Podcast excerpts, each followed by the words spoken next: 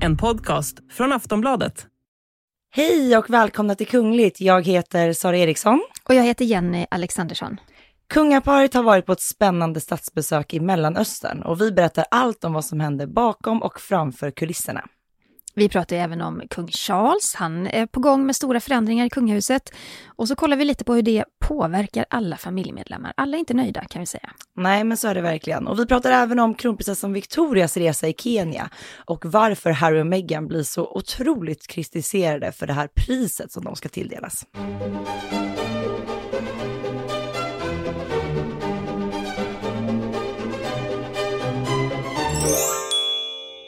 Kungaparet genomförde sitt, eh, ja, sitt allra första statsbesök utomlands efter pandemin och eh, Jenny, du åkte ju faktiskt med. Mm.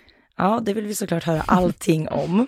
Och i sitt eh, officiella uttalande så sa kungen att det kändes fint att det första besöket gick till just Jordanien. Och det var då kung Abdullah och drottning Rania som stod som värdpar under de här tre dagarna. Och eh, kungen han berättade även i sitt tal att det inte var första gången som de var i Jordanien, utan de har ju varit på statsbesök där tidigare för ja, men 30 år sedan. Och de har även besökt landet privat. Och eh, dessutom så var ju faktiskt kronprinsessan Victoria och prins Daniel där för fyra år sedan och eh, det var ju någonting som kungen också nämnde i sitt tal. Men Jenny, hur var det att vara med på, på den här resan? Jo, men det är ju alltid spännande att åka med på sådana här statsbesök. De är väldigt uppstyrda, det är de ju. Men man hinner se väldigt mycket ändå. Och jag har ju varit med på flera statsbesök utomlands under de här 19 åren som jag har bevakat kungahuset. Men det här tyckte jag ändå var extra spännande och intressant för att Jordanien är ju granne med Syrien, Saudiarabien, Israel, Irak. Och i det här området så är det mycket turbulent. Men så har ju då Jordanien lite grann ja, men varit relativt fredligt eh, senaste tiden. Och mm, det är klart de har haft konflikter eh, menar, som efter andra världskriget med, med Israel och sådär. Men, men just nu är det, det är liksom en, en lugn punkt mm. i den här mm. kokande kitteln. Och det är ju så här att många syriska flyktingar har tagit sig över gränsen till Jordanien och flyktingfrågan den var ju såklart då mycket central under det här statsbesöket. Men det var, det var liksom ett besök fullt av kontraster. Det var affärsuppgörelser, det var flyktingläger, det var galamiddagar, idylliska stadsvandringar och svåra situationer. Och, och mitt i alltihop det här så hamnade även jag och eh, fotograf Jerker Ivarsson mitt i en nyhetsjakt då på utrikesministern, men det kan vi ta sen. Men, men hur var det då? Det måste ha varit väldigt så här, jag tänker som du säger, det var ju så många olika kontraster under det här besöket. Mm. Eh, upplevde du det någon gång jobbigt att att uppleva de här olika typerna av kontraster? Ja, det gör man ju för det som kändes rätt in i hjärtat, det var det här besöket i Satari, det här flyktinglägret. Det är ju ett av de, alltså det är det största i Mellanöstern. Mm. Eh, och jag kan ju berätta mer om det sen när vi, när vi liksom snackar om det här. Men eh, det är klart att kontrasten mellan det och liksom de här tjusiga tillställningarna, det, det är ju, man hoppar liksom från ytterligheter hela tiden. Mm. Och det var ju inte bara jag som påverkades av det, utan det gjorde vi allihopa. Det gjorde ju kungaparet också. Och samtidigt var det en sån viktig del i det här statsbesöket. Men det var ett ganska så fullspäckat schema eh, under de här tre dagarna. Oh ja, mm. det är det alltid. ja. det, man hinner inte med så himla mycket mer än att jobba. Eh, de här nu var det jordanska hovet då, de, de såg ju till att vi hade fått hotell, de såg till att vi hade fått eh, transporter. Vi hade jättetrevliga chaufförer som skjutsade runt oss då i såna här minivans och så får man ju faktiskt på ett statsbesök de här pressbussarna får ju åka med i den här bilkortegen hela tiden. Och det var nog vår stora lycka, för trafiken i Jordanien är fruktansvärd. alltså att dö i trafikolyckor är ju liksom, jag tror att det är en, en av, eller den vanligaste dödsorsaken i Jordanien de kör som galningar. Eh, och då är det också så mycket trafik så att äh, åker man inte i kortegen då är man fast mm. i trafikkaoset. Så att det var vi väldigt glada över. Eh, var det många andra journalister från andra världsdelar där? Det var det faktiskt inte. Från Sverige så var det jag och Jerker från Aftonbladet. Det var en fotograf, eh, Pontus ifrån TT och så var det superhärligt gäng från TV4. De gör ju det här Kungahuset, det är deras årliga tv-program. Just. Eh, Ranja och Johan. Så vi var ett väldigt härligt gäng. Och sen hade vi också The Star of the Stars, Cecilia Udén från Sveriges Radio, hon är ju Ah, om du vet, om du lyssnar på hennes rapporter från Mellanöstern så kan man inte slita sig från radion. Hon är stationerad i Kairo Mm. och hon kom över då till Jordanien för att ja, men jag tror hennes vinkel var lite mer den här politiska. Mm. Eh, men hon var med oss och det var jättespännande. Hon pratade dessutom arabiska som räddade oss från många situationer. Gud vad häftigt. Men under de här tre dagarna då, liksom, hur tillgängliga var kungaparet för, ja, men för dig? Jag måste säga att de, var, de bjöd otroligt mycket på sig själva. Ibland vid statsbesök när det är så här späckade scheman så kommer man inte åt de kungliga så mycket. Men, men faktiskt på den här resan så var de, de var väldigt, eh, väldigt tillgängliga. Eh, det blev ju flera pratstunder men, men absolut två intervjuer då under resan.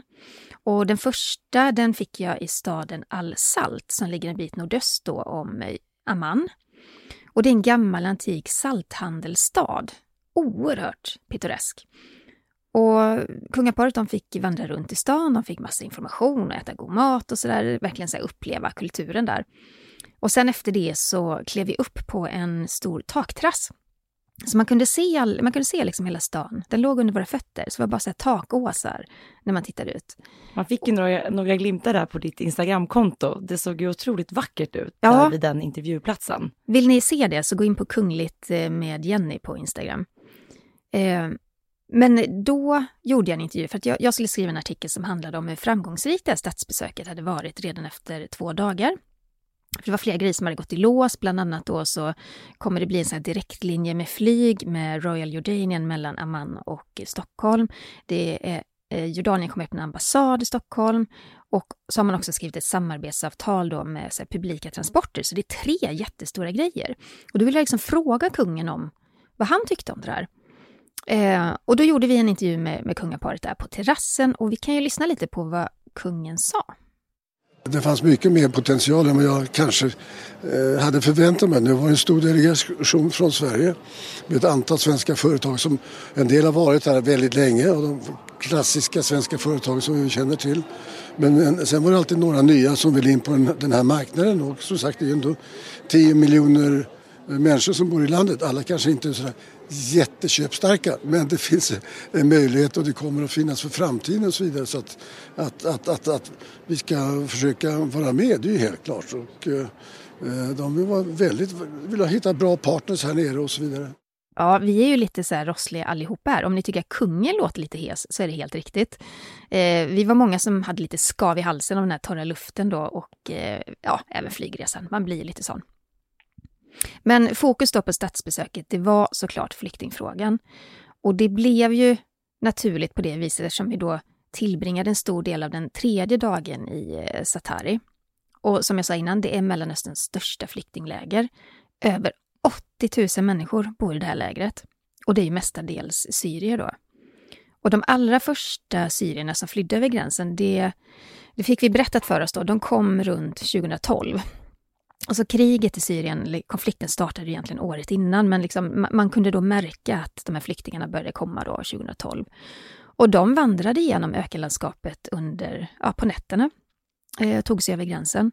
Och de första då, eh, hundratalet, de fick ju bo i tält, men sen så kom det, det kom såna explosionsartade mängder med flyktingar. Eh, så i Satari så började man bygga små baracker och det blev som små gator och sen blev det som en liten stad. Det är mer en stad än ett läger idag. Och vi fick se då att det, det finns ju skolor, vi besökte en skola. Inne i liksom Ja, inne i det här lägret. lägret. Ehm, Det finns vårdcentraler, aktivitetscenter, men då, då ska man också tänka att det är inte så som vi tänker en skola, utan det är en skola i en barack. Det är liksom ett aktivitetscenter. Det är som en liten byggd innergård med baracker runt om och lite olika rum och sådär. Och sen, det jag verkligen tänkte väldigt mycket på var att vi var ju där en dag när det var torrt och soligt. Mm. Och nu på vintern så är det ju behagliga temperaturer, men på sommaren kan det bli fruktansvärt hett. Mm. Och eh, det här vita, vita tunna dammet, alltså det, det la sig liksom över kläder och skor och allt man hade med sig i ansiktet. Och när det regnar så blir det här vita dammet, det förvandlas till en sån gröt, alltså gröt av lera som man då klampar runt i och klafsar runt i. Och det, det är klart att det här är ett välordnat flyktingläger. Mm. Men det är ju inte, det är ju, det är ju liksom fruktansvärd, det är fortfarande fruktansvärda förhållanden. Mm. Och då tänker jag bara att hur ser de lägren ut där man inte har det så här välordnat och fint? Alltså där tror jag också att det är mycket, mycket kontraster. Men ni var då inne i det här eh, flyktinglägret tillsammans med kungaparet och Ja. fick följa dem då under deras ja, besök där inne. Ja, men verkligen. Mm. Och då kan man ju tänka att det var ju, det, vi hade ju, eller kungaparet då hade ju otroligt eh, beskydd. Alltså de hade ju alla sina livvakter med sig och eh, från det jordanska hållet också. Det var en av prinsessorna från eh, den kungliga familjen som var med, från jordanskt håll också då. Hon var förresten journalist, jobbade som journalist. Mm. Men det, var, det blir otroligt känslosamt. Eh, det, det var inte så att jag upplevde att människor vi träffade var desperata. Men det var också en tid på året när det, det är ganska behagligt klimat och liksom, i det här lägret så finns det ju, det finns ju matutdelning och det finns ju liksom saker som gör att Ja, men de här människorna de är fattiga och utsatta såklart. Och så är de ju fast i det här lägret. Ett fåtal kan ta sig ut för att de har så här arbetstillstånd och jobbar på jordbruk i närheten eller liknande saker. Och kungafamiljen, eller kungaparet då, de träffar faktiskt en familj. Det är klart att den här familjen är utvald liksom, för att prata med dem, men en mamma och pappa med sju barn. Och varav en av döttrarna faktiskt då har kunnat börja på universitetet i en stad i närheten. Men där är ju också problemet att det kostar pengar. Mm. Och flyktingar har inte mycket pengar, även om man har lyckats få ett jobb eller lyckats öppna en liten affär i det här flyktinglägret. Och jag pratade med chefen för UNHCR då i Mellanöstern. För UNHCR de är liksom med och tar hand om det här lägret. Och han sa att med den här ekonomiska krisen som är just nu så tenderar ju färre människor att skänka färre pengar. Och det, alltså man, man förstår inte vilka konsekvenser det får Nej. för, för ett sånt här flyktingläger. Men vi kan ju lyssna lite på vad kungaparet sa i lägret. Kungen och kungafamiljen har ju haft ett engagemang kring migration och flyktingfrågor länge. Och vi såg ju 2015 så var ju engagemanget jättestort för flyktingar i, i Sverige. Om jag får fråga, hur och varför startade det här engagemanget? Nej, det är väl fullständigt, tycker jag, självklart. Om man kan bidra med no någon, någonting överhuvudtaget så gör man det. Om man med, med eh, materiella saker eller, eller man kan bidra med eh, vänskap så att säga och ta emot och hjälpa folk och se till så de har, har någorlunda dräglig tillvaro i livet. Så tror jag alla gör det spontant, det är helt självklart. Men har kungen alltid känt så i hela sitt liv? Kring Ja, att nej, men det är klart, man har inte haft möjligheten att vara i den situationen och vi har inte haft den, de situationerna förrän senare år när de stora flyktingströmmarna har börjat vandra genom Europa och, och så vidare som har även hamnat i, i Sverige. Det är ju fruktansvärt. Men det flykting, flyktingsituationen har ju nästan alltid funnits i världen. Det är det som är ganska otäckt. Man har ju talat om de här strömmarna och man har varit rädd för mer strömmar i framtiden också av olika anledningar. Nu har vi haft olika krig och nu har vi ett krig i Ukraina och men sen har vi ja, politiska flyktingar, normala politiska flyktingar. Det finns alla, alla sorter. Sen har vi då miljöproblematiken som, som, som finns i vissa områden. Och det här området har man ju talat om vattenbrist och det kan skapa rörelse när det gäller befolkningsgrupper och så vidare. Så det har ju alltid varit en rörelse och det får vi, vi leva med på något sätt. Men det gäller att försöka från, från, ja, från länder och myndigheter att, att skapa en så träglig och, och, och eh, gångbar möjlighet som möjligt. Det är svårt. Men det går att lösa på ett eller annat sätt. Men det kanske inte blir perfekt. Men vi gör så gott vi kan. Ja, nu är det mycket prat om kungen, men jag vill också fokusera på drottningen. För hon, eh, hon är lite magisk, tycker jag, vid sådana här besök. Och det är ju den här förmågan att alltid behandla alla lika. Det Spelar ingen roll om hon pratar med sin kungliga kollega drottning Ranja eller om hon pratar med en flyktingflicka i skolan. Det spelar ingen roll för henne alls.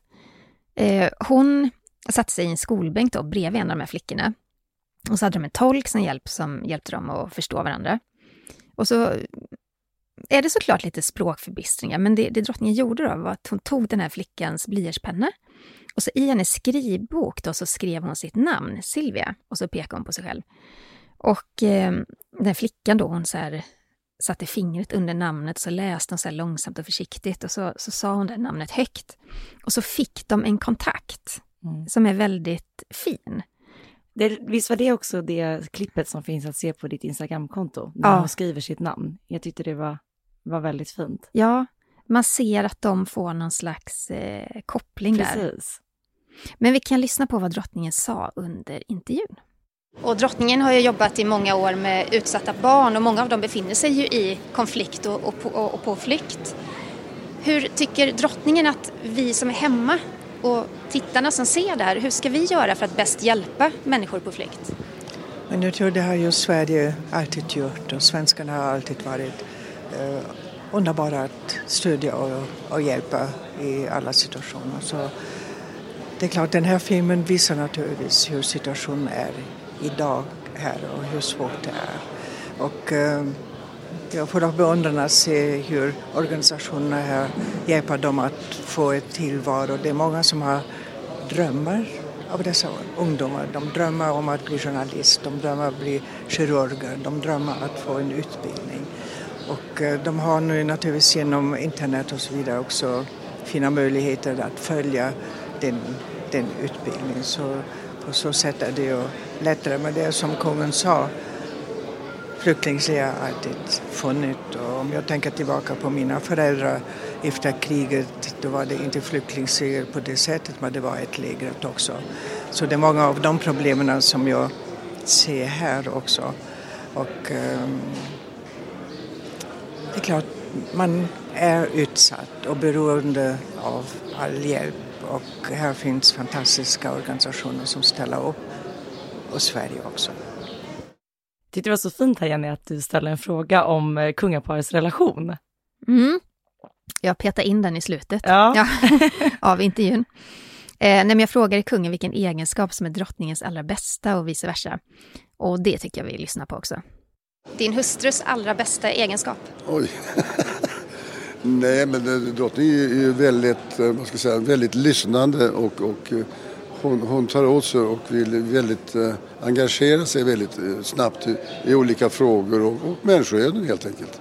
Tar åt sig det som, och kanske ibland lite för mycket så att, för det är mycket att bära. Det finns ju många människoöden som man eh, råkar på här i livet och eh, det lägger sig på axlarna hela tiden. Så att, eh, men man får, jag brukar alltid säga att man måste ha lite horisont i blicken. Och drottningen, vad är din mans allra bästa egenskap? Hans klokhet, hans humor, hans värme. Och det är viktigaste som finns, tycker jag. Så jag är väldigt lyckligt lottad, måste jag säga. Det är väl lite gulligt, tycker jag, att så här, de när de får den här frågan så blir de lite så skrattiga. Lite så. Ja, verkligen lite så här, lite fnissigt nästan, så tycker jag att det är lite roligt när, när drottning Silvia svarar att hon tycker att, att kungen är så klok, att man hör också hur han skrattar ja. i bakgrunden. han så här, skrattar lite generat. Liksom. Ja, verkligen. Mm. Men också fint när drottningen säger att hon är lyckligt eh, ja. lottad. Verkligen.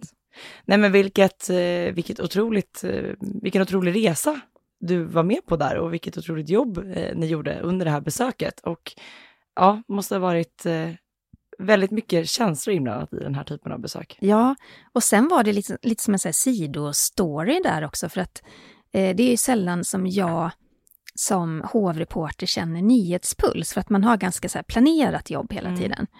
Men mitt i allt detta, när vi är där i Jordanien, så, ramlar, eller, ja, så hamnar ju den här raketen i Polen. Och det blev ju väldigt mycket skriveri om det direkt, att det här skulle kunna vara en rysk raket. Och, och det, innan man då visste vad det handlade om, så hade jag ju kontakt då hela tiden med nyhetsredaktionen här hemma. Och eh, vi bestämde då att nej men, utrikesminister Billström är med kungaparet här i Jordanien. Och eh, vi måste få en kommentar från honom. Så då blev det liksom en annan vinkel lite en annan vinkel. I, i ditt jobb. Istället ja. för att då liksom ha störst fokus på kungaparet så blev det helt plötsligt en ytterligare person ja, här. Mm. Ja, men precis. Och vi var då på ett business-seminarium där Billström och, kunga, och kungen var med då. Och det är inte alltid lätt att bara få en kommentar sådär. Billströms eh, eh, sekreterare eh, Anna Erhardt, hon, hon sa att nej men han ger inga kommentarer, men det är ju mitt jobb att försöka få det Mm. i alla fall. Det är oerhört viktigt. Det handlar om säkerhetsläget i Sverige och vad som händer i Europa. Och eh, jag kan säga så här, det var lite turer fram och tillbaka. eh, jag kan också säga så här, jag är väldigt glad att jag åkte med fotografen Jerker Ivarsson. Han är ju en så här rutinerad eh, krigsfotograf. Och eh, han lärde mig en hel del på den resan om hur man tar sig fram genom säkerhetskontroller Mm. och eh, stängda bommar och så vidare. Eh, och eh, tyvärr var det ju så att Billström vägrade ge en kommentar. Eh, och där kan jag också se, där kan jag se skillnaden då mellan Billström, han är ju nybliven utrikesminister, och kungaparet i skillnad i tillgänglighet. Mm. De har ju totalt olika roller, det är svårt att jämföra.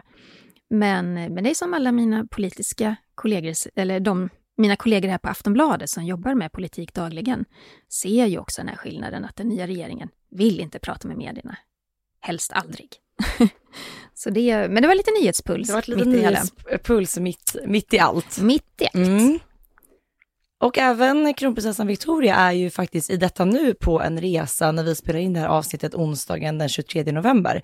Då befinner sig kronprinsessan i Kenya och eh, hon är inte där ensam utan hon är där tillsammans med kronprins Håkon. Och eh, de här två kungliga kollegorna och även nära vännerna står ju varandra mycket nära. Victoria har ju själv sagt vid eh, något tillfälle att hon faktiskt betraktar Håkon som, och även danska Fredrik som sina bröder. Så att det är ju kul att de kan åka på den här resan tillsammans.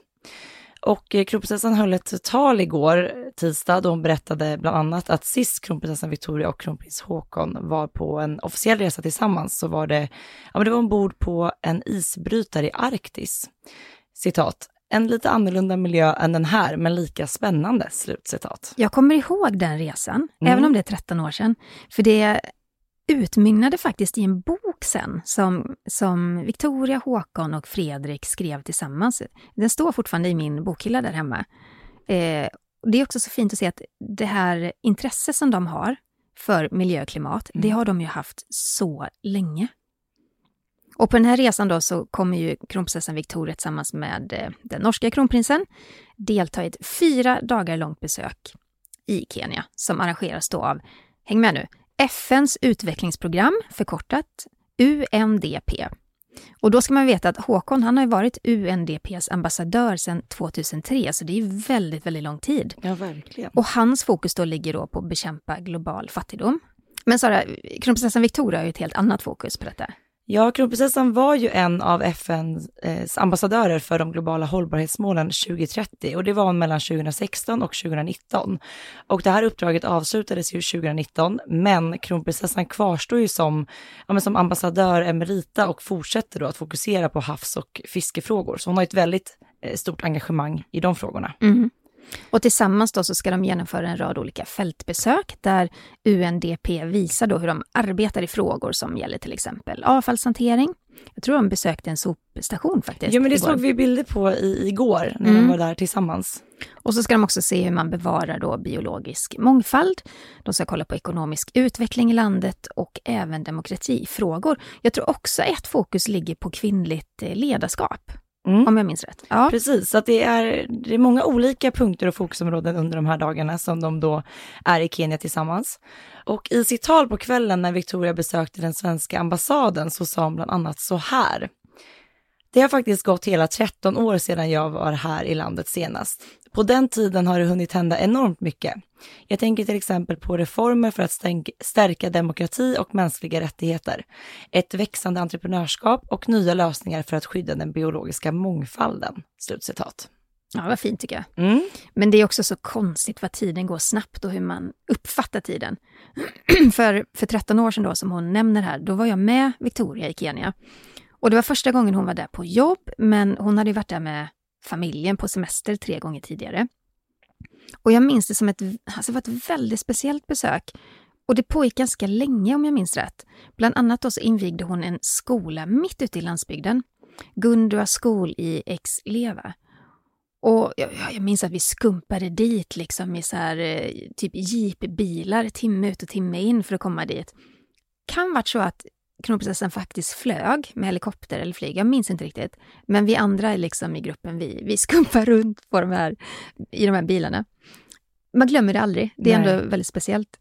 Och Victoria själv då, hon sa, när hon då kom fram till den här skolan, eh, ja men tänk dig liksom, det är så här bara grusvägar, det är lite speciellt landskap, lite så här, Eh, vad, som, vad heter det? Alltså det är bara så här små, små, små buskar med gräs och så är det så här dammiga vägar. Och då kom hon där i en jättefin gullig klänning och klackar. Eh, för det var ändå, det var, offi- det var så officiellt den här invigningen. Men det var ju, det var ju svårt eh, att eh, kanske gå riktigt bra i klackar där, hur som helst. Då hade de här barnen skapat en egen sång till henne. Och jag minns inte melodin längre, men liksom texten var så här. We love you, we need you, you are a beauty, we welcome you. Och så höll de på sig hela tiden, gång på gång på gång på gång. När kronprinsessan gjorde entré till den här Ja. skolan. När hon gick fram mot skolan, vet de så dansade liksom, gick bredvid henne, så sjöng de där hela, hela tiden. Det måste, vilket välkomnande. Ja, det var nog väldigt speciellt. Och där var du med då, så att du Ja. liksom hörde allt det här Ja, live visst. så att säga. Ja. Mm. Och jag var faktiskt tvungen att gå in i min gamla blogg, eh, hovbloggen. Åh, att- vad man saknar den Jenny. Ja, men det, jag hinner inte skriva där längre. Men, men då, jag var tvungen att gå in och se liksom vad, vad, vi, vad som hände där. För minnet bleknar ju liksom. Mm. Men redan då, hon fokuserade mycket på klimatförändringar och hon höll ett tal i Nairobi som fokade väldigt mycket på det. Och eh, jo, men en grej som jag minns så himla väl. När hon skulle besöka Exportrådets lokaler i Nairobi, så utanför där så stod det en dansgrupp med massajer. Alltså massajer de är klädda ofta i så här röda skynken, de kan hoppa väldigt högt, så här jättehöga hopp. Och de är otroligt vackra. Och väldigt så här, åh, man kan känna rytmen liksom. Och så bjöd de upp då kronprinsessan till att delta i den här dansen. Och tro fasen, klart att hon började dansa med dem. Och jag minns att jag tänkte då att det är en rätt skön framtida drottning som vi kommer Ja. få. Inga problem för henne. Hon ställer sig med dem och dansar. Och hon är dessutom bra på att dansa. Mm. Inte, hon hoppade ju inte de här höga hoppen som de gjorde såklart, för det är också lite så här manligt, så här, massajerna gör det liksom. Eh, men eh, det var min tanke då, liksom för 13 år sedan, att ja, men det här. Och nu 13 bra. år senare så är hon tillbaka på, på samma plats, fast nu också ihop då med kronprins Håkon av Norge. Precis. Millions of people have lost weight with personalized plans from Noom, like Evan, who can't stand salads and still lost 50 pounds. Salads, generally, for most people, are the easy button, right? For me, that wasn't an option. I never really was a salad guy. That's just not who I am. But Noom worked for me. Get your personalized plan today at Noom.com. Real Noom user compensated to provide their story. In four weeks, the typical Noom user can expect to lose one to two pounds per week. Individual results may vary. Men vi måste ju prata om Storbritannien. Vi kan inte ha en podd utan att prata om Storbritannien, Nej, Sara. men det går inte. Var det inte för, ja men förra veckan hade vi frågepodden och veckan innan det så hade vi ett, ett, ett vanligt avsnitt. Ja. Då var det till och med en lyssnare som skrev till oss på Instagram så, jag saknade Storbritannien och veckans Harry och Meghan. Så att den här Det kommer veckan nu. kommer det. Mm. Mm. Ja, men sedan kung Charles tog över tronen efter drottning Elizabeth så har det pratat väldigt mycket om att, eh, ja, men att han önskar att slimma ner kungahuset. Eh, som ni vet så i Sverige tog ju kung Carl Gustaf beslutet 2019 och föregick då den KU-utredning som tillsattes gällande apanaget. Under hösten har vi sett hur drottning Margareta av Danmark tagit ett beslut gällande yngsta sonen prins Joakims barn. Och nu senast så såg vi hur det skedde i Norge där prinsessan Märtha Louise inte längre representerar det kungliga huset. Och i Storbritannien så, ja men det är välkänt att kung Charles likt de nordiska länderna vill minska på antalet titlar inom kungahuset. Dels för att tydliggöra vad som kan förväntas av vem och även som en del för att dra ner på omkostnaderna. Ja, är det här viktigt? Jag har ju en åsikt. Jag Ja, vill, men- hö- jag vill höra din åsikt. Ja, Men min åsikt är att det absolut är viktigt. Eh, Det handlar ju om att behålla ett förtroende. Ehm, Om man tittar på i Storbritannien nu så är ju kungahuset ganska så ifrågasatt efter drottning Elizabeths död och det har ju dels att göra med att kung Charles inte alls är lika populär som hans mamma. Det är svårt att, att ta den rollen efter henne, men också liksom att man Alltså det, det är ju så stort kungahus, det är ett sånt dyrt kungahus om man kan säga så och där måste man ju faktiskt vidta åtgärder, särskilt om man blickar ut liksom i världsläget och den ekonomiska krisen också som vi befinner oss i. Ja, Vad anser du? Ja men totales, precis som, som Ja. du sa det. Och just den här ekonomiska biten, den drivs ju ofta fram av eh, massiv kritik ifrån folket, landets folk. Eh, varför ska man betala för en växande kungafamilj? Det kommer barn, det kommer barnbarn i massvis. Och då har ju det här blivit ett sätt för eh, sittande regenter att, eh, att bibehålla, som du pratar om, jätteviktigt förtroendet. Man skalar av, man, eh, man ser till att eh, alla vet vilka och hur många som ska representera kungahuset och vilka som får ta del av pengarna. Helt naturlig följd. Mm. Eh, Inga konstigheter alls tycker jag. Ja, men det är en fråga som, som diskuteras och vi får ju se vad det kommer att landa i. Men kung Charles önskan om att minska antalet titlar inom kungahuset kan ju faktiskt bidra till att han kommer att bryta mot det löfte som, ja, som hans föräldrar gett yngre brodern prins Edward. Ja, det är faktiskt spännande, för det är ju så här att när prins Edward, ni som lyssnar vet säkert vem han är. Det är Edward och Sophie som alltid blir skickade på kungliga bröllop till exempel, så de var här på kronprinsessans bröllop 2010. Hur som helst, när prins Edward gifte sig då med Sophie 1999, då fick han en gåva i form av ett skriftligt löfte från sin mamma, drottning Elizabeth, och sin pappa, prins Philip. Och där skrev de att prins Edward skulle överta titeln hertig av Edinburgh den dag som prins Philip dör. Mm. Men han har fortfarande inte fått den. Och en källa nära hovet säger till Daily Mail att det inte är rimligt att tilldela Edward den här titeln hertig av Edinburgh eftersom då kungen vill minska titlarna inom kungahuset. Och det är ju en ärftlig titel, så den dag som prins Edward i så fall dör, då går den vidare till hans eh, son, James Viscount Severn. Det är en väldigt krånglig titel. Det är en väldigt Varje gång, alltså jag, jag vrickar tungan varje gång jag säger den. Jag med. Är, sonen heter James och han är då Viscount Severn. Eh, något som enligt källan då ska ha varit en bidragande faktor till att Edward gick med på att hans barn inte tilldelades titlarna prins och prinsessa var just där att han då visste att det skulle komma en eh, En titel senare. Liksom. Edinburgh. Ja. Ja. Men nu verkar det alltså som att Edward inte kommer att tilldelas den här titeln. Och källan då, nära hovet, tror istället att kung Charles kommer att behålla titeln eh, som hertig av Edinburgh själv, men inte använda den.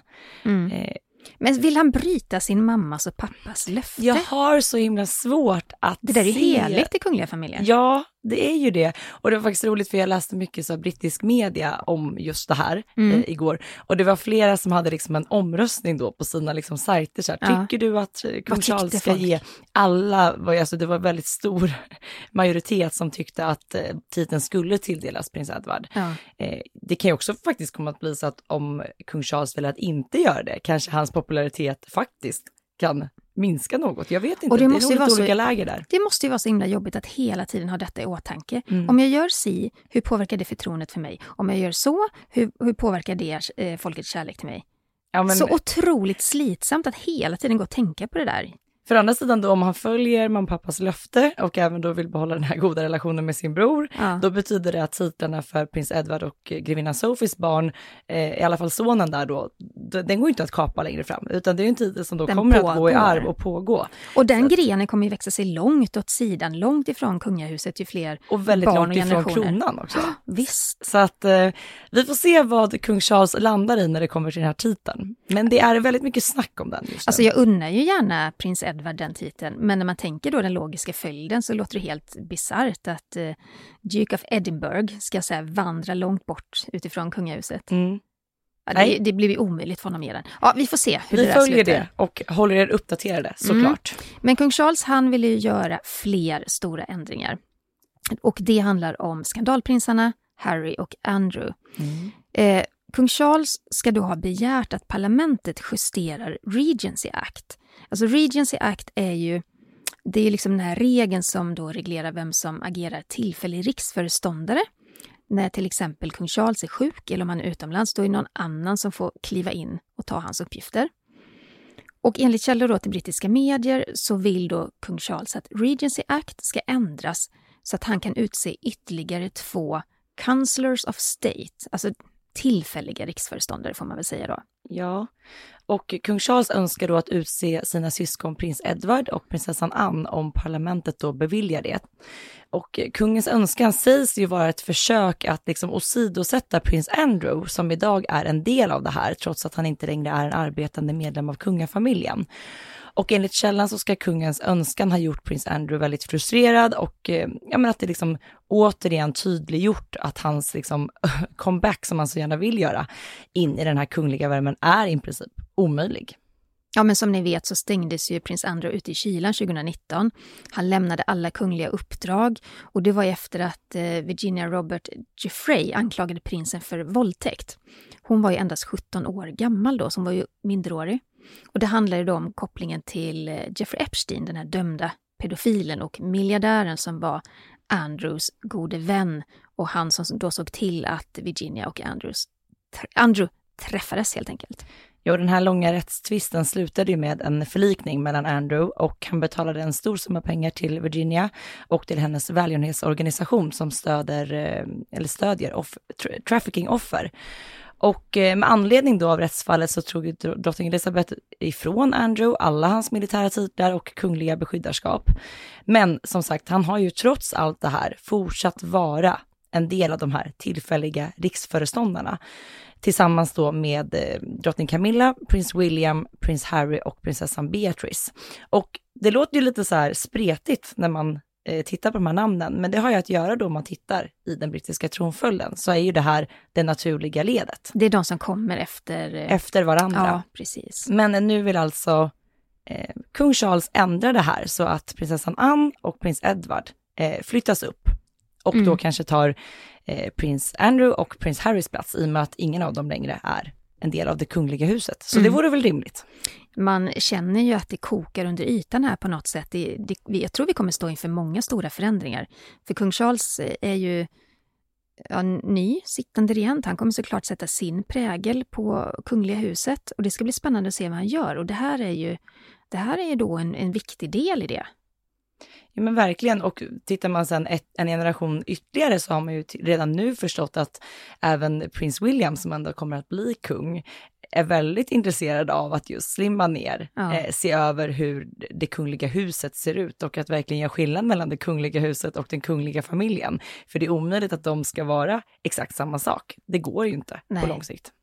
Det här leder oss fram till veckans Harry och Meghan.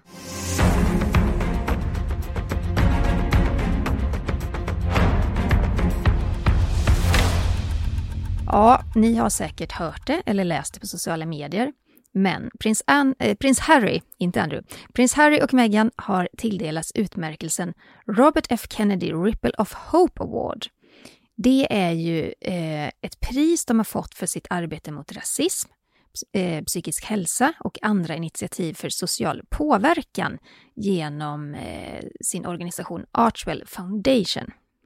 Och Kerry Kennedy som är ordförande för organisationen Robert F Kennedy Human Rights skrev bland annat att paret alltid har stått för sin vilja att förändra.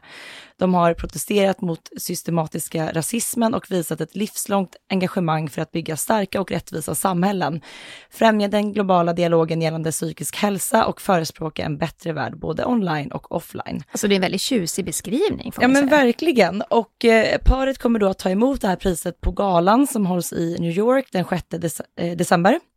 Men som alltid när det gäller Harry och Meghan så har ju det här beslutet att tilldela paret priset mötts av ja, men en enorm kritik, måste man ändå säga. Ja, den här politiska kommentatorn Nile Gardner skriver bland annat på Twitter att det är löjligt att tilldela Harry och Meghan det priset.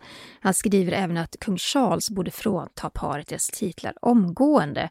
Och författaren Douglas Murray sa i en intervju med Sky News att han önskar att paret inte accepterar en sån här utmärkelse och istället överlämnar den till människor i världen som faktiskt gör skillnad på riktigt. Och så sa han så här, det är arbete som Sussexarna låtsas göra. Och det, det här är ju Alltså på något sätt så, så får ju Harry och Meghan hela tiden genomslag i världspressen. Mm. Um, men från det att de själva pratar på om hur duktiga de är och hur mycket välgörenhet de gör, till att verkligen titta på vad de gör. De har inte jobbat så många år med välgörenhet än så länge. Det finns ju, jag är ju kritisk till det, för jag känner att det finns ju otroligt många duktiga människor som har jobbat år ut och år in med att hjälpa andra människor i, inom exakt samma ämnen som kanske är värda det här priset mer. Men precis som du sa där, just att de får en sån genomslagskraft alltid i media. För det är också en väldigt stor diskussion som, som pågår just gällande det här priset, att det är många som menar att har de tilldelats priset bara för att, för att organisationen i sig kommer att få en sån stor eh, global uppmärksamhet när man då börjar på att skriva om, eller vi sitter här i Sverige nu och Ja. pratar om att de har tilldelats priset. Det blir ju så. Att man menar då att är det därför de har fått priset? För att ni vill För skapa att, ett för att organisationen vill Precis. ha uppmärksamhet. för att ni vill skapa en uppmärksamhet, någon stark PR kring det här. Och det blir också då fel, för precis som du säger finns det ju så många människor i världen som har arbetat eh, så länge och så hårt för att vilja skapa förändring. Jag menar, det där är ju... PR-mässigt skulle det vara ett smart drag av en organisation att göra på det viset. Sen vill man ju inte, man vill helst inte tro att organisationer är så cyniska. Men det, men det är klart att, ja, det, det, finns, det finns en möjlighet att det är så. Men, men framför allt så tycker jag man ska ifrågasätta, ifrågasätta det här paret, vad de egentligen, vad är det de egentligen har bidragit till? Det måste ju kunna gå att få rapporter och, och liksom se vad, vad har det blivit för resultat av deras arbete? Det är väl det som är mest intressant. Det finns andra, säger jag. Ja, men det blir spännande Ja. att eh, se den här. Jag tror inte att vi kommer att höra mer om det här priset i och med att prisutdelningen är där eh, 6 december. Mm. Eh, så att vi har nog inte pratat klart om det ännu. Sara, det närmar sig jul. Alltså jag är så pepp på jul. Har du julpyntat än? Nej, det är ju första advent på söndag, men jag har lovat min son att vi ska börja på fredag. Ja. Men jag har sett att folk har börjat. Har du börjat? Nej, jag har inte kommit så långt för att jag är ju väldigt eh, pedant som du vet. Så Ja. jag känner att innan allting ska upp, då måste det vara en sån rejäl julstädning. Och jag har inte fått in den här rejäla julstädningen i mitt schema än. Jag så att fattar. städa först, sen, men innan söndag måste ju det här ske. Ja, gud ja. Ja, Alltså jag har ju sett grannar som har satt upp ljusstakar och sånt redan. Det är ju mysigt. Det kom ju väldigt mycket snö också, så man fick ju lite, eh, Lite mys, feeling. Lite mysfeeling Ja. liksom. nej men det är inte långt eh, kvar till jul och vi börjar prata lite om kungligheterna ska fira jul i år. Mm. Och det här blir faktiskt första julen för kung Charles att då stå värd för eh, när kungafamiljen då traditionsenligt samlas på Sandringham för att fira jul tillsammans. Det har ju tidigare varit drottning Elizabeth som stått värd för det firandet.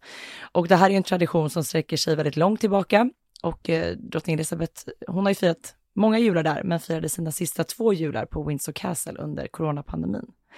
Men nu är det så att enligt Daily Mail så ska kung Charles ha bjudit in då Harry och Meghan, men paret ska då ha tackat nej till att fira jul med familjen. Varför det? Varför tror de gör det? Det är jättespännande. Om det nu stämmer då. Om det nu stämmer. Ja, men jag tänker att dels så var de ju i Storbritannien en väldigt mycket längre period än planerat i september. I samband med begravningen. Ja, Mm. och i samband med veckan innans besök där när de skulle närvara vid olika välgörenhetsevenemang som sen blev då flera veckor i med drottningens död och begravning och allting. Eh, men det är klart att direkt när man får den här informationen så börjar man återigen prata om den här sprickan i familjen, att de Mm. inte kommer överens och, och så vidare. Vad tror du? Jag tror det ligger jättemycket i det. Det här är ju, alltså det de har gjort mot resten av sin familj, pratat illa om dem i världsintervjuer med Oprah Winfrey, om att de är rasistiska och hovet är eh, slutet och, och kallt och att de har inte fått hjälp. Och, ja, men Harry har också pratat väldigt mycket illa om sin pappa. Jag Mm. bara undrar, hur ska man läka en sån relation? Då kanske att dundra in till ett julfirande eh, kanske inte är det bästa plåstret just nu. Det kanske finns en annan lösning innan man firar jul tillsammans. Ja, men inte heller att förglömma att vi faktiskt nu väntar på prins Harrys eh, biografi eh, som kommer Ja, att släppas i Januari, januari, strax efter jul där. då kanske man inte vill eh, liksom, då kanske man inte vill tillbringa julen i någon så här tillkämpad glättighet för att några veckor senare släppa en bomb om Jag tror inte familjen. att han ger eh, familjen ett signerat ex på Nej, julafton. det tror inte jag heller. Nej, Men prins William och Kate, de har ju tackat ja och de kommer delta i julfirandet och den här traditionella gudstjänsten i Sankt Mary Magdalene kyrka då på juldagsmorgonen. Men det är ju väldigt intressant det här med kungliga jultraditioner tycker jag, så vi måste prata mer om det i ett, ja, men ett kommande avsnitt när vi närmar oss julen ännu mer. Absolut. Mm. Och det jag tänker på när vi pratar om julfirande och kungliga familjer, det är också hur ska det gå i den danska kungafamiljen? Kommer ni ihåg? Det var inte så länge sedan vi pratade om det här titelbråket. Drottning Margrethe meddelade att yngsta sonen, prins Joakims barn, alltså hennes barnbarn, ska inte få behålla sina titlar efter nyår. Så 2023 är de titellösa, de får inte heta prins och prinsessa utan de är greve och grevinna istället. Hur som helst, det här ledde ju fram till ett sju jäkla bråk Mm. i världspressen får man ju säga. Det visade sig att Margrethe hade ju inte förankrat det här beslutet hos prins Joakim Och de ställde sig ju och pratade öppet om sin sorg och besvikelse. Ja men det skapade ju verkligen starka känslor. Och ju, både prins Joakim, prinsessa Marie och eh, grevinnan Alexandra öppnade upp sig i media. Eh, prins Joakim sa ju bland annat att han bara fick tre dagars varsel, så att det var ju väldigt infekterat. Mm. Och grevinnan Alexandra, hon, det är hon som är mamma då till Nikolaj och Felix. Ja, precis. Men de är ju skilda. Ja. Ma eh, Marie nya hustrun. Eh, drottningen höll ju fast vid sitt beslut. Eh, hade en enad front där också med kronprins Fredrik och kronprinsessan Mary. Eh, hennes anledning till att ta bort titlarna det var ju att barnbarnen ska kunna Barnbarnen ska kunna forma sina egna liv utan att begränsas av den särskilda hänsyn och de skyldigheter som en formell anknytning till kungahuset innebär. Det var liksom den förklaringen då. Ja, och vi har ju fått väldigt mycket frågor kring så här, hur är status nu inom familjen? Har de, vi vet ju där strax därpå så hade ju drottning Margrethe ett samtal med sin son i alla fall. Men sen har vi faktiskt inte sett så mycket mer eh, fram tills nyligen då, då vi såg faktiskt hur familjen återförenades. Ja, förra helgen. Mm. För då var prins Joakim och prinsessa Marie med vid firandet av drottning Margrethes 50 år på tronen. Det pågår ju hela året, men det har vissa nedslag här och där. Och då var paret på plats vid ceremonin vid Rådhuset och då var det ju många som tyckte, ja men vad fint, nu har de kanske börjat läka den här sprickan och bråket inom familjen har kanske lagt sig. Mm. Och det får man ju verkligen hoppas. Man önskar ju att de får en härlig och trevlig jul, såklart. Ja men verkligen. Men på tal om lyssnarfrågor, eh, mm. eh, det har ju dundrat in en hel del. Det har det. Ska vi beta av några? Vi betar av några innan vi rundar av dagens avsnitt tycker jag. Vi har fått en fråga från Emma Hej, snart är det Nobel och jag undrar vilka kungligheter från svenska kungafamiljen som kommer att närvara. Ja, äntligen är Nobel efter två år av dels inställt firande och ett, en annorlunda ceremoni förra året. Och i år så kommer kungen, drottningen, kronprinsessan, prins Daniel, prins Carl Philip och prinsessan Sofia att närvara. Inte Madeleine? Nej, Nej. Eh, prinsessan Madeleine kommer inte att närvara i år utan ja, representeras istället av de andra i familjen. Lite tråkigt tycker jag. Verkligen. Eh, nästa fråga ska jag ställa till dig också Sara, för det här är nämligen din gebit. Det är Lina som frågar så här. Under sydafrikanska statsbesöket som pågår i Storbritannien just nu så kommer Kate, prinsessan av Wales, att vara med vid banketten första gången som prinsessa av Wales. Mm. Kommer hon då bära Dianas privata diadem som Diana bar vid bröllopet med Charles nu när hon är prinsessa av Wales? Nej, det, det kommer inte att göra. Den här middagen gick ju av stapeln faktiskt igår. Vi spelar in idag onsdag. Eh, vi vet ju att hon faktiskt aldrig kommer att bära det här diademet i fråga, Spencer Tiara, eftersom att Eh, det diademet som Diana bar vid bröllopet tillhör liksom från början familjen Spencer och efter Dianas död så återlämnades det till familjen. Så vi kommer ju aldrig se någon i brittiska kungafamiljen bära det, utan det är liksom tillbakalämnat till familjen Spencer. Men vi såg faktiskt en fin, eh, annan liten fin detalj apropå just, frågan är lite så här nu när hon är prinsessa av Wales. För att Kate under dagen igår när de tog emot eh, presidenten eh, på plats i London så bar Kate en liten brosch på, på slaget på sin eh, kappa. Det var liksom ett litet, eh, litet hänge, ganska så diskret. Och den här broschen har inte burits av en prinsessa av Wales på 41 år. Utan eh, det var, Diana fick den i förlovningspresent av drottningmodern när de förlovade sig 81. Eh, och sen bar hon den vid några tillfällen, både som ett hänge i i ett halsband och även som brosch. Och när Diana då eh, omkom 97 så lämnades broschen tillbaka till det kungliga smyckeskrinet. Eh, Camilla bar den som brosch 2006 men har inte använt den särskilt mycket för det blev ganska omdebatterat när hon bar den. Det känns som det tillhör Diana lite Ja men precis, och det var lite så här, för om man tittar historiskt sett så är det bara prinsessor av Wales som burit den. Så Camilla hade egentligen rätt att bära den? Hon hade egentligen rätt att bära den. Men, men avstod? Avstod. Hon hade några tillfälle. få tillfällen och när de väl bar den så blev det ganska omdebatterat. Ja. Men den här fina, det här fin, alltså fjäderhänge heter den, eh, jättefin. Så den bar då Kate för första gången igår. Nu när hon är prinsessa Wales. Tänker att det är många saker hon kommer bära eller göra för första gången som prinsessa. Ja, Ja men det är kul och det här älskar jag ju att gotta ner mig så att, mm, eh, det kommer vi höra mer om. Därför kommer jag ställa även nästa fråga till dig. Jaha. det är faktiskt en fråga jag fick eh, från en följare på Instagram. Tyvärr så föll hennes namn bort och jag hittar inte frågan igen så jag kan inte säga hennes namn heller. Men, men frågan löd ungefär så här. Varför har drottningar och prinsessor ganska ofta små klutchar, heter det va? Mm, klatsch. Klatschar. Klatsch. Som handväskor vid officiella tillfällen. Alltså det är en väska man håller i handen, mm. den har ingen rem. Precis. över axeln, man håller den i handen. Det borde vara mycket mer bekvämt och praktiskt med en handväska att, som man bär med en rem över axeln.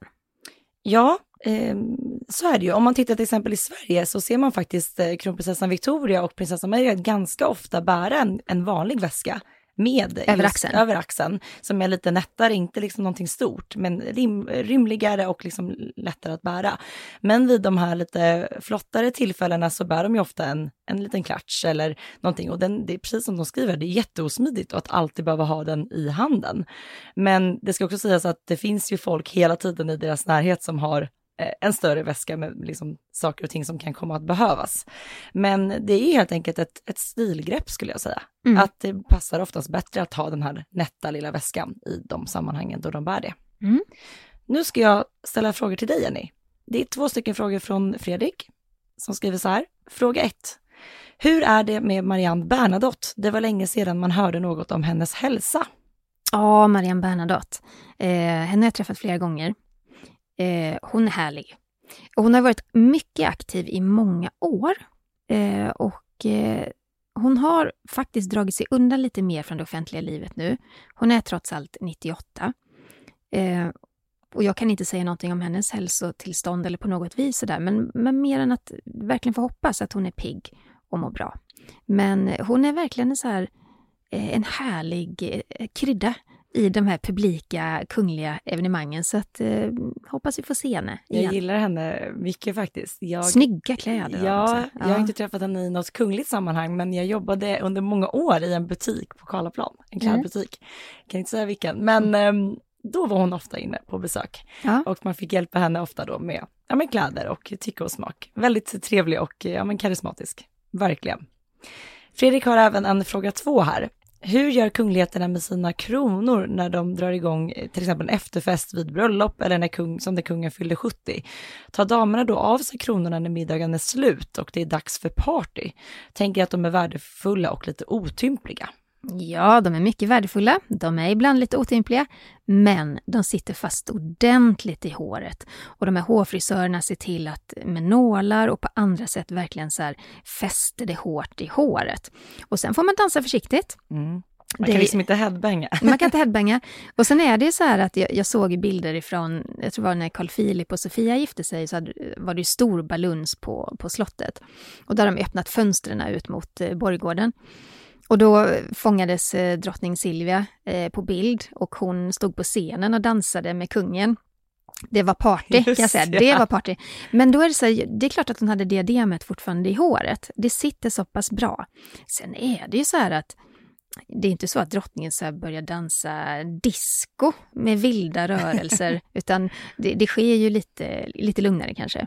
Men Och också att ta av de här diademen, det är en så stor del av frisyren. I och Ja, med att man bakar ju in man ju- håret så mycket i med nålar. Så skulle man liksom ta av diademet så skulle liksom håret vara ganska Falla. pannkaka. Ja, ja men verkligen. Faktiskt. Och sen är det lite annorlunda till exempel på statsbesök och galamiddagar och Nobel, för att det är ju ändå så att de avslutas ju, det blir aldrig efterfest på det viset. Och på Nobel så dansar inte drottningen och, och prinsessorna, utan de ställer sig i, i ett litet eh, av, avskilt rum, kan man säga, en del av ett rum.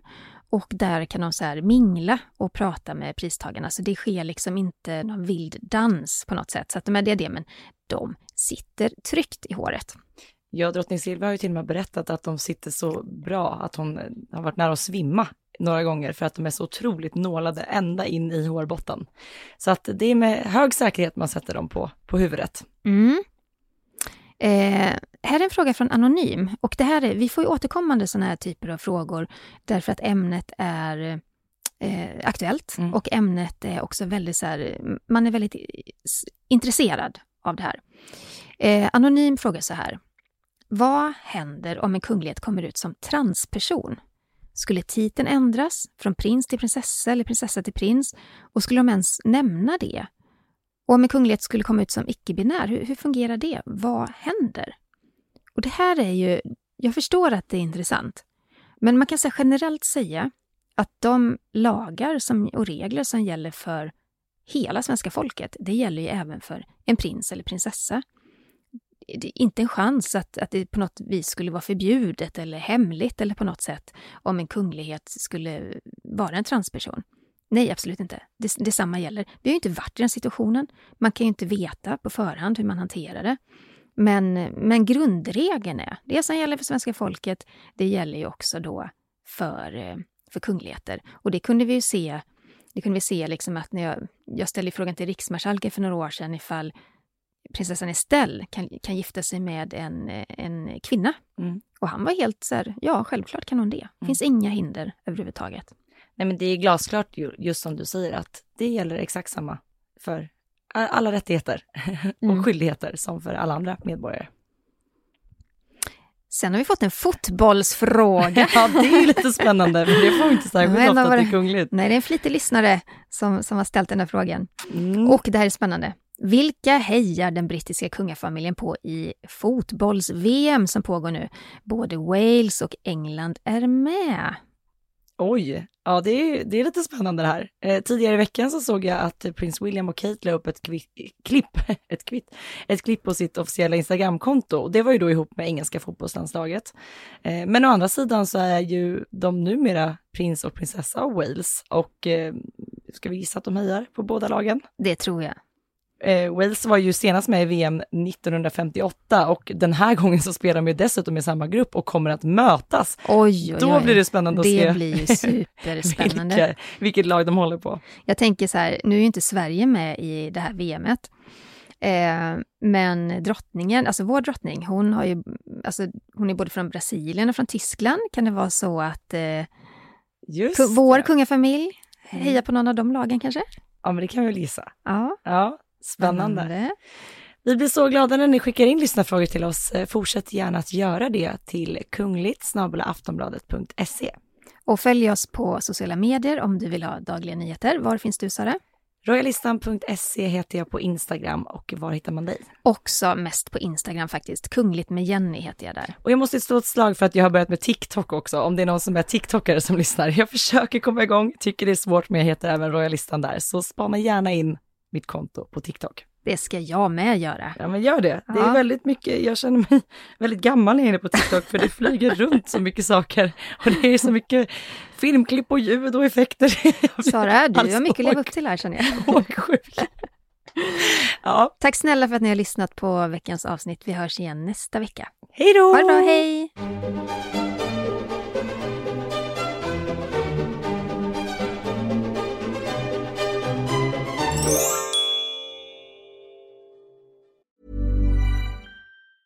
Hey, I'm Ryan Reynolds. Recently, I asked Mint Mobile's legal team if big wireless companies are allowed to raise prices due to inflation. They said yes. And then when I asked if raising prices technically violates those onerous two year contracts, they said, What the f are you talking about, you insane Hollywood ass?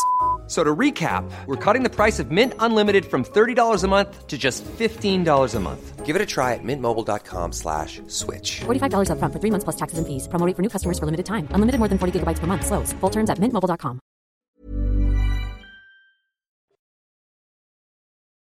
Du har lyssnat på en podcast från Aftonbladet. Ansvarig utgivare är Lena K Samuelsson.